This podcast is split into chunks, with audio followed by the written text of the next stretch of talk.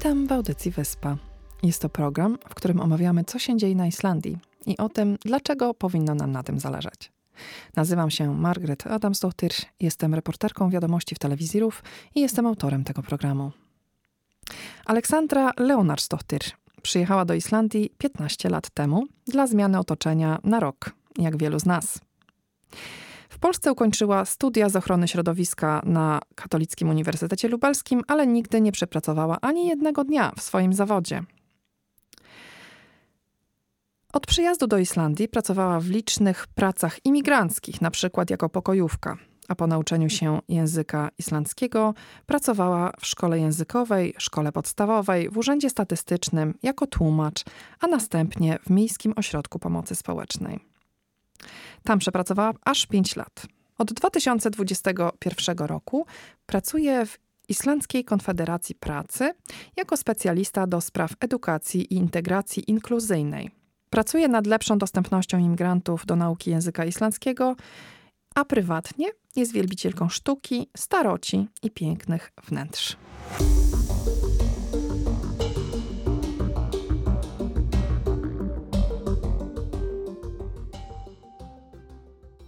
Gościem dzisiejszego odcinka jest Aleksandra Leonardsdottir, która pracuje w Islandzkiej Konfederacji Pracy ASI, Alþýðusamband Islands, na stanowisku specjalistki do spraw edukacji i integracji inkluzyjnej.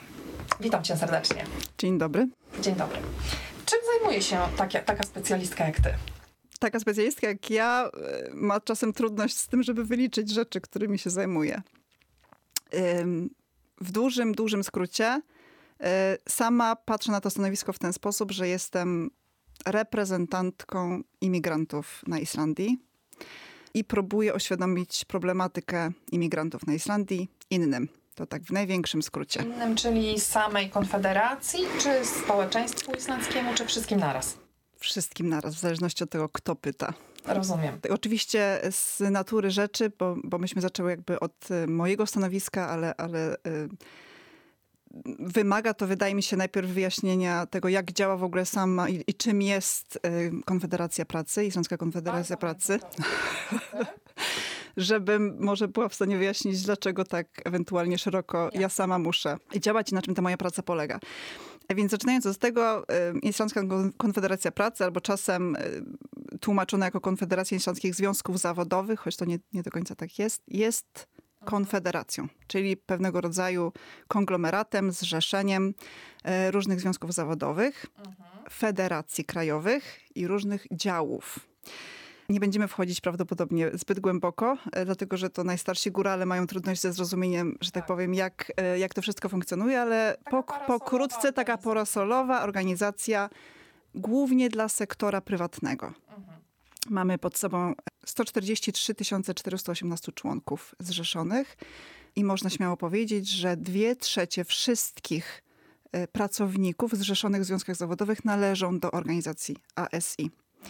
E, wewnątrz ASI, która sama nie jest związkiem zawodowym, to jest błąd, z którym się często, albo taka błędna świadomość, z którą się spotykam bardzo często. ASI nie jest związkiem zawodowym i nie ma prawa reprezentować nikogo, jakby indywidualnych spraw. Nie ma prawa e, jakby pośredniczyć w tych sprawach, nie ma, nie ma tej reprezentacji. E, natomiast Konfederacja Pracy została powołana w 1916 roku w celu reprezentowania wspólnych interesów poszczególnych związków zawodowych przed rządem, ale z czasem jej rola się dużo bardziej poszerzyła. Można jakby tutaj wspomnieć, że w momencie, kiedy ASI zostało tworzone e, po to, żeby wspólnie reprezentować jakieś, e, jakieś interesy różnych związków zawodowych, to tych związków było około 300 w ramach ASI. Obecnie jest ich 44, zrzeszonych w pięciu federacjach, niektóre mają bezpośredni udział w naszej konfederacji. I obecnie ASI zarówno reprezentuje interesy tych wszystkich związków zawodowych przed rządem, prowadzi taki trójstronny dialog, czyli ze sobą nawzajem, reprezentuje nas przed rządem, ale reprezentuje nas również względem Konfederacji Pracodawców. Pokrótce. Natomiast nasza rola jest również y, dosyć spora obecnie międzynarodowo, dlatego że jesteśmy też członkami większych konfederacji międzynarodowych i działamy na przeróżnych platformach. Także jesteśmy takim reprezentantem głosu robotniczego zarówno w kraju, jak i za granicą. No to jest y, bardzo, bardzo ciekawe y, akurat dla mnie. Mam nadzieję, że dla słuchaczy również, bo wszyscy powinniśmy wiedzieć o tym, czym jest Konfederacja. To, z czym mam wrażenie wielu z nas boryka się w swojej pracy na co dzień, tutaj myślę o nas, którzy wykonują pracę zarówno w różnych instytucjach, jak i organizacjach, którzy pochodzą z Polski, obecnie mieszkają i, i, i wykonują tę pracę dla obu nacji, czyli zarówno dla nacji islamskiej, jak i nacji polskiej, nasza historyczna nieumiejętność e, wzięcia odpowiedzialności i bycia aktywnym w społeczeństwie. I y, sytuacja, która ma miejsce na co dzień, z którą ja się spotykam w swojej pracy, może nie bardzo często, ale bardzo wyraźnie, wynika właśnie z tego, że historycznie nam, Polakom, był y, głos odbierany i byliśmy, jesteśmy tak. jakby wyuczeni tego, że y, nie mamy wpływu na nasze otoczenie. Natomiast wszystkie osiągnięcia Konfederacji przez te 100 lat, ponad 100 lat już, wszystkie osiągnięcia związków zawodowych wynikają bezpośrednio z aktywności ich członków. I to jest coś, czego mamy szansę się nauczyć dzięki pobytowi na Islandii. Bez względu na to, czy on jest dwumiesięczny i tylko sezonowy, bez względu na to, czy on jest już wieloletni, bez względu na to, czy planujemy wrócić do Polski, czy planujemy przeprowadzić się do innego kraju to jest to dla nas szansa na to, żeby trochę poczuć się jak u siebie, trochę nauczyć się tego, co znaczy mieć wpływ na swoje otoczenie. Nie ma takich postulatów, które lądują na stole negocjacyjnym, kiedy ustalamy układy zbiorowe na kolejne lata, które nie wynikają z tego, co mówią zwykli ludzie i zwykli robotnicy. Jeżeli ten głos nie jest słyszalny, a my jesteśmy takimi robotnikami, my jesteśmy takimi pracownikami, no to nasze postulaty nigdy na tym stole nie wylądują. Bardzo się cieszę, że to mówisz, bo właśnie zgadzam się, że będąc imigrantem w kraju takim jak Islandia, gdzie każdy uważa, że jego głos jest ważny i pcha się wszędzie do wszelkiego rodzaju e, aktywizmu bądź aktywności społecznej, wiedząc, że takie jest jego e, wrodzone prawo, no to jest przydatne właśnie dla imigrantów, którzy pochodzą z krajów, gdzie e, to jest inaczej. Ja na przykład widzę straszną nieufność wobec wszelkiego rodzaju instytucji. Mówisz o Polakach. Tak. Zdecydowanie i to jest też problem, z którym um, ja się spotkałam rozpoczynając pracę w ASI. To znaczy bezpośrednio do mnie zgłaszano się z takimi zapytaniami, to znaczy związki zawodowe. E, co zrobić? Dlaczego Polacy są tak nieufni? Jak możemy to zmienić? I mam wrażenie, że e, w dużej mierze i bardzo wiele związków zawodowych naprawdę wychodzi bardzo daleko. Zarówno y, są przetłumaczone przeróżne informacje, wszystkie zebrania są dostępne w różnych językach, również na, na życzenie można sobie y, zażądać tego, żeby, żeby pojawił się tłumacz na zebraniach związków zawodowych i tak dalej, i tak dalej. Wszelkie postulaty, z którymi związki zawodowe będą występować no, do stołu negocjacyjnego są zawsze ogłaszane również w różnych językach, są wysyłane newslettery, natomiast ten odzew jest bardzo niewielki. Nie ma wymówki dla osób takich, które są w tych związkach i są częścią tych związków, że brakuje materiałów albo brakuje prób podjęcia, mm, uaktywnienia tych osób. Tak? Zawsze jest wymówka. Ja jestem troszeczkę tym reprezentantem tej wymówki. To znaczy, wymówka nigdy nie wynika tylko i wyłącznie z lenistwa. A z czego wynikają takie wymówki? W dużej mierze w przypadku pracujących Polaków, którzy są w wieku generalnie w znaczącej większości w wieku rozrodczym i w wieku tak zwanym produktywnym. Czyli jest to grupa osób, która jest naprawdę bardzo zajęta. Polacy mają tendencję do pracowania przynajmniej w jednej pracy, jeżeli nie w dwóch pracach. E, mają do tego małe dzieci.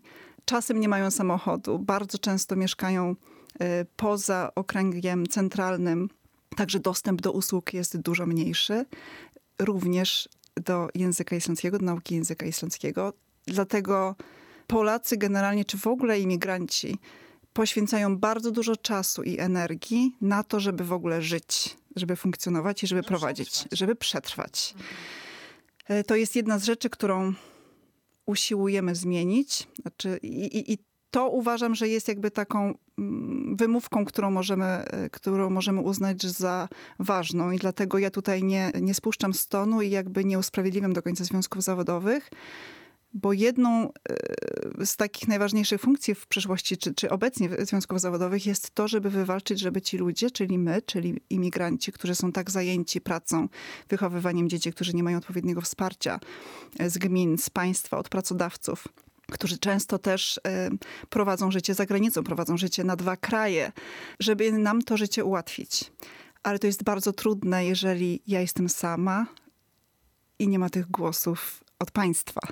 To znaczy, jeżeli ta reprezentacja jest bardzo niewielka, ostatecznie nie wszyscy mają dzieci i nie wszyscy są w dwóch pracach i nie wszyscy mają, są bardzo zajęci prowadzeniem domu albo, albo swoim... Którzy mają dzieci, ale może i tak by się zaangażowali. Dokładnie. Gdyby może, no nie wiem właśnie, w jaki sposób e, zachęcić te osoby. Więc właśnie w jaki sposób państwa zachęcić do tego, żeby właśnie. jednak się zainteresować. Ja ze swojej strony mogę powiedzieć, że y, gotowość w związkach zawodowych, przynajmniej w ramach ASI, w większości związków zawodowych, bo z, nigdy nie można mówić o wszystkich, tak? Jakby generalizacja jest zawsze zła. Jest bardzo duża do tego, żeby tłumaczyć, do tego, żeby wychodzić naprzeciw.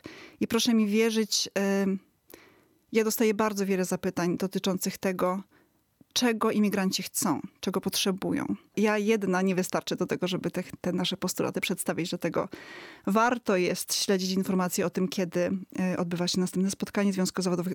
Warto przede wszystkim zacząć od tego, żeby się e, dowiedzieć, do jakich związków zawodowych należy. Taka informacja powinna się znaleźć zarówno na państwa umowie o pracę, którą każdy ma obowiązek mieć i to jest też bardzo często rzecz, z którą się spotykam, że ach, na Islandii nie trzeba mieć umów o pracę. To nieprawda. Trzeba mieć umowę o pracę i warto ją mieć. Powinno się ją egzekwować. Jeżeli nie otrzymuje się umowy o pracę, to należy się zwrócić do związków zawodowych o pomoc. Natomiast y, związki zawodowe, do których należymy, albo przynajmniej do których odprowadzamy składki, powinny być wyszczególnione również na naszych odcinku wypłaty. I zachęcam Państwa, zanim trzeba będzie się zwrócić do związków zawodowych z konkretnym problemem, dlatego że nie dostaliśmy wynagrodzenia, dlatego że ktoś nam nie chce zapłacić za nadgodziny, ktoś nas oszukał na godzinach itd., tak itd., tak warto jest sprawdzić, czy ja odprowadzam składki na właściwe związki zawodowe. Dlatego, że... Jak to sprawdzić, czy to są właściwe związki zawodowe? Bo tutaj jest tyle tych związków zawodowych, że jest na przykład każdy zawód praktycznie ma specjalne związki zawodowe, tak? Są związki elektryków, związki e, kucharzy, związki e, handlowców itd., tak itd. Po czym są te duże związki, na przykład BHM, czyli tam Związek Osób z Wykształceniem Wyższym. Który nie jest w ramach ASI. Aha, okej, okay, dobrze. No ale jest dużo tego, prawda? Tak. Y, więc jak wiedzieć, y, do jakiego związku należę? To po pierwsze pytanie. A drugie, czy mogę zmienić związek? Na pierwsze pytanie odpowiedź jest taka, że najlepiej jest się skontaktować z samymi związkami zawodowymi. I teraz. Związki zawodowe zależą od dwóch rzeczy. Od zawodu i od rejonu, w którym pracujemy. Dlatego, że my możemy pracować w tym samym zawodzie, ale w różnym e, rejonie Islandii i wówczas możemy należeć do dwóch różnych związków zawodowych. Czasem ludzie zaczynają, przyjeżdżają na Islandię i zaczynają pracę na wschodzie Islandii, po czym się przeprowadzają na zachód, ale utrzymują płatność do wschodu, jakby do związków. Tak Mogą, tylko jeżeli przychodzi do jakiegoś konkretnego problemu, to związki zawodowe ze wschodu nie są w stanie im pomóc, dlatego że nie mają podpisanej podpisanych układów zbiorowych z jego pracodawcą, jego nowym pracodawcą. Nie ma sensu. Czyli to zwyczajnie nie ma sensu. Jeżeli zmieniamy rejon, to powinniśmy zmienić związki. Albo przynajmniej upewnić się, że dane związki zawodowe mają podpisane układy zbiorowe z pracodawcą na, na tym terenie. I że są w stanie nam pomóc. I są w stanie nam powiedzieć, jeżeli coś się wydarzy. Okay? Także i, i to nie jest y, niestety na tyle, na ile jest zbudowany ten system. Nie ma takiej możliwości, żeby otrzymać to, y, żeby związki zawodowe otrzymywały jakąkolwiek informację systemową, że się pojawia jakiś nowy członek albo że ktoś y, niesłusznie już odprowadza te związki zawodowe, dlatego że to są zwyczajne wpłaty, które idą przez Urząd Skarbowy. Także to nie są jakieś. Proste, tak, wręcz. dokładnie. Zbyt prymitywne, no ale nie jesteśmy w stanie zmienić wszystkiego naraz. E, dlatego to jest naszą indywidualną odpowiedzialnością, żeby się e, upewnić, że jestem we właściwych związkach zawodowych. E, jeśli chodzi o to, czy mogę zmienić związki zawodowe, to będzie znowu zależało od tego, czy są inne związki zawodowe na tym terenie, które mają podpisane umowy zbiorowe w ramach danej pracy, w ramach danej, danego stanowiska e, z tym pracodawcą.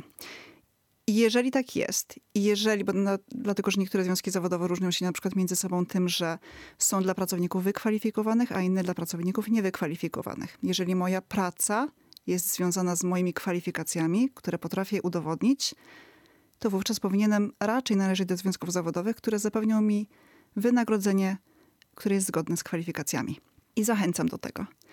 Natomiast sytuacja robi się trochę bardziej skomplikowana, jeżeli jestem zatrudniony na Islandii przez y, agencję pośredniczącą pracę y, lub jestem wysłany bezpośrednio z Polski do tego, żeby wykonać jakieś konkretne zadania. To są już trochę bardziej skomplikowane sprawy i zachęcam wówczas do kontaktu albo bezpośrednio ze mną, albo ze związkami zawodowymi, żeby ustalić, y, jak te sprawy się wówczas mają. Ale w zasadniczej większości to jest taki najprostszy podział.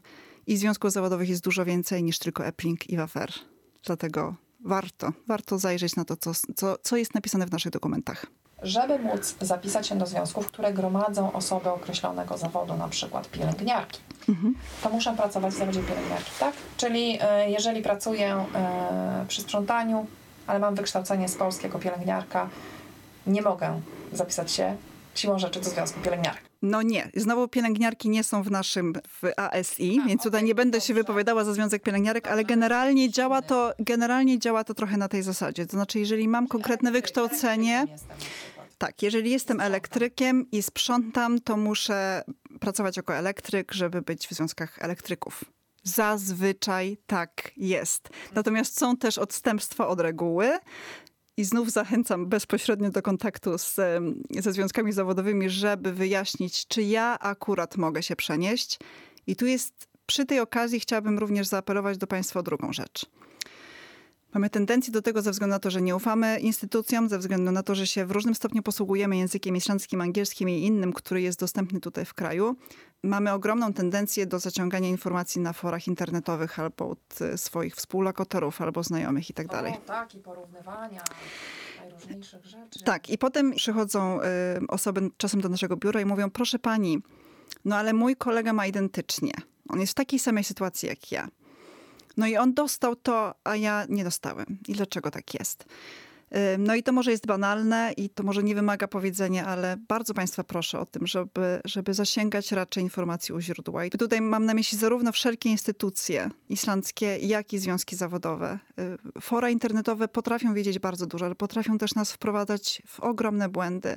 Oferta związków zawodowych się między sobą bardzo różni, dlatego że zawody się między sobą bardzo różnią i historycznie udało mi się uzyskać też różne prawa i przywileje dla swoich pracowników. Również są niektóre bardziej bogate, inne biedniejsze, dlatego mogą zaoferować e, no, różne rzeczy swoim, swoim członkom.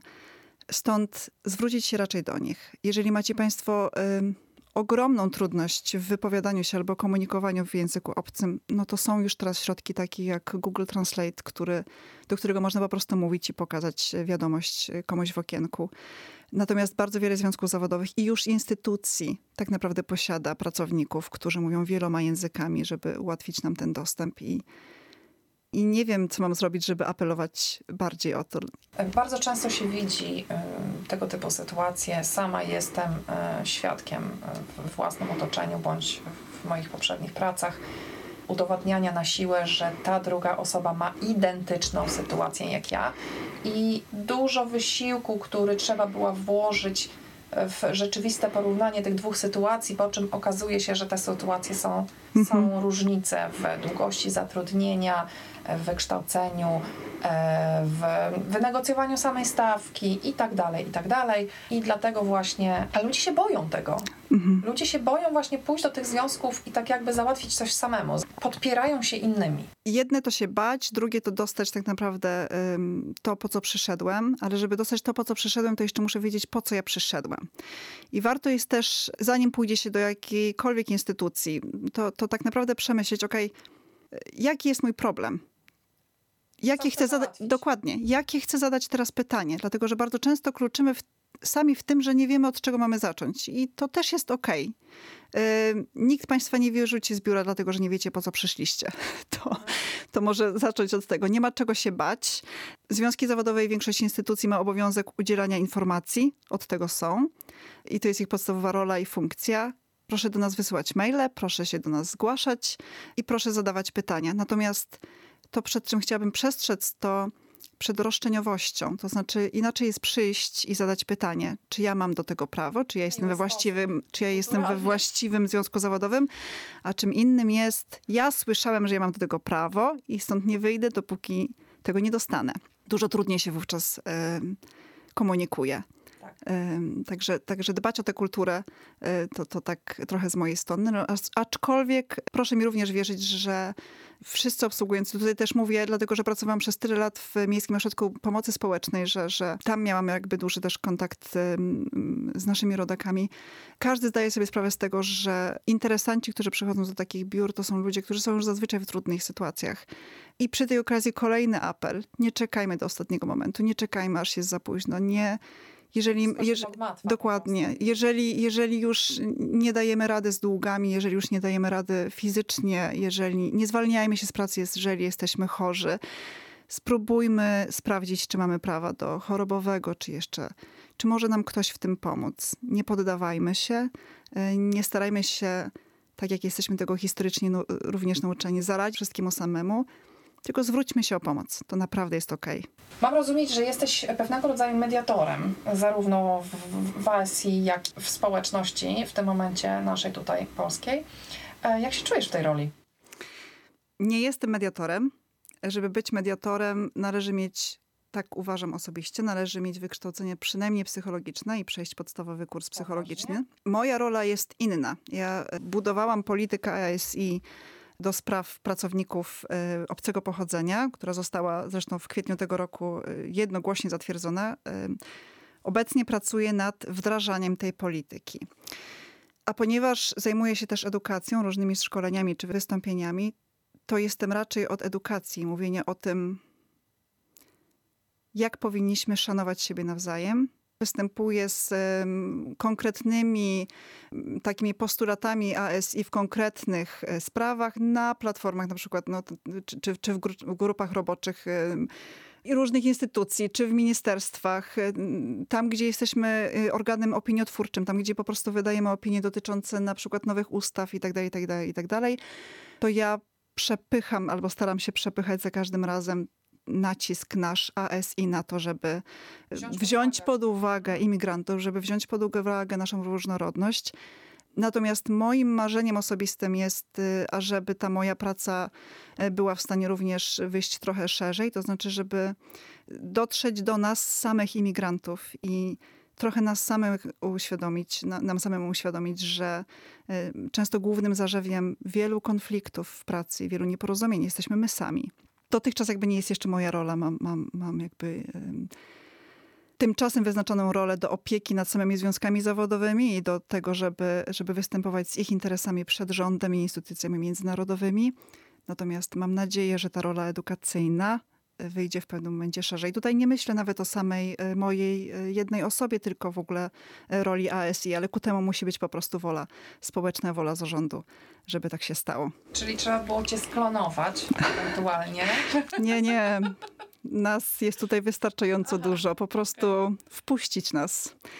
Czyli zarówno my, imigranci, musimy być dzielniejsi w tym, żeby, żeby mówić o tym, czego potrzebujemy, żeby się pojawiać i po prostu poczuć się trochę jak u siebie. No ale też z drugiej strony. Czyli nie potrzebujemy więcej. Więcej mnie, potrzebujemy więcej nas wszystkich. Myślę, że tą konkluzją zakończymy naszą rozmowę. Bardzo dziękuję Ci. Dziękuję serdecznie. Wyjaśnienie nam e, tych bardzo trudnych spraw. Dziękuję.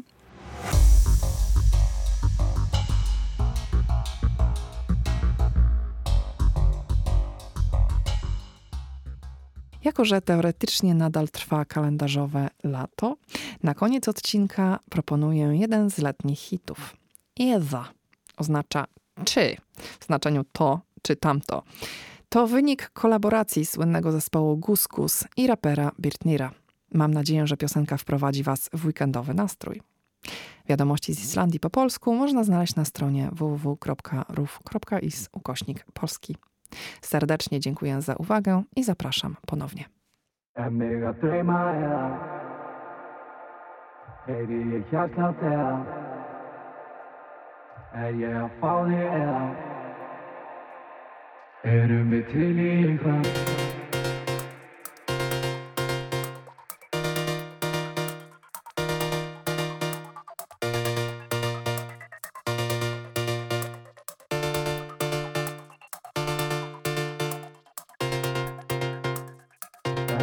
save my life. Baby, you got nothing, and you're falling.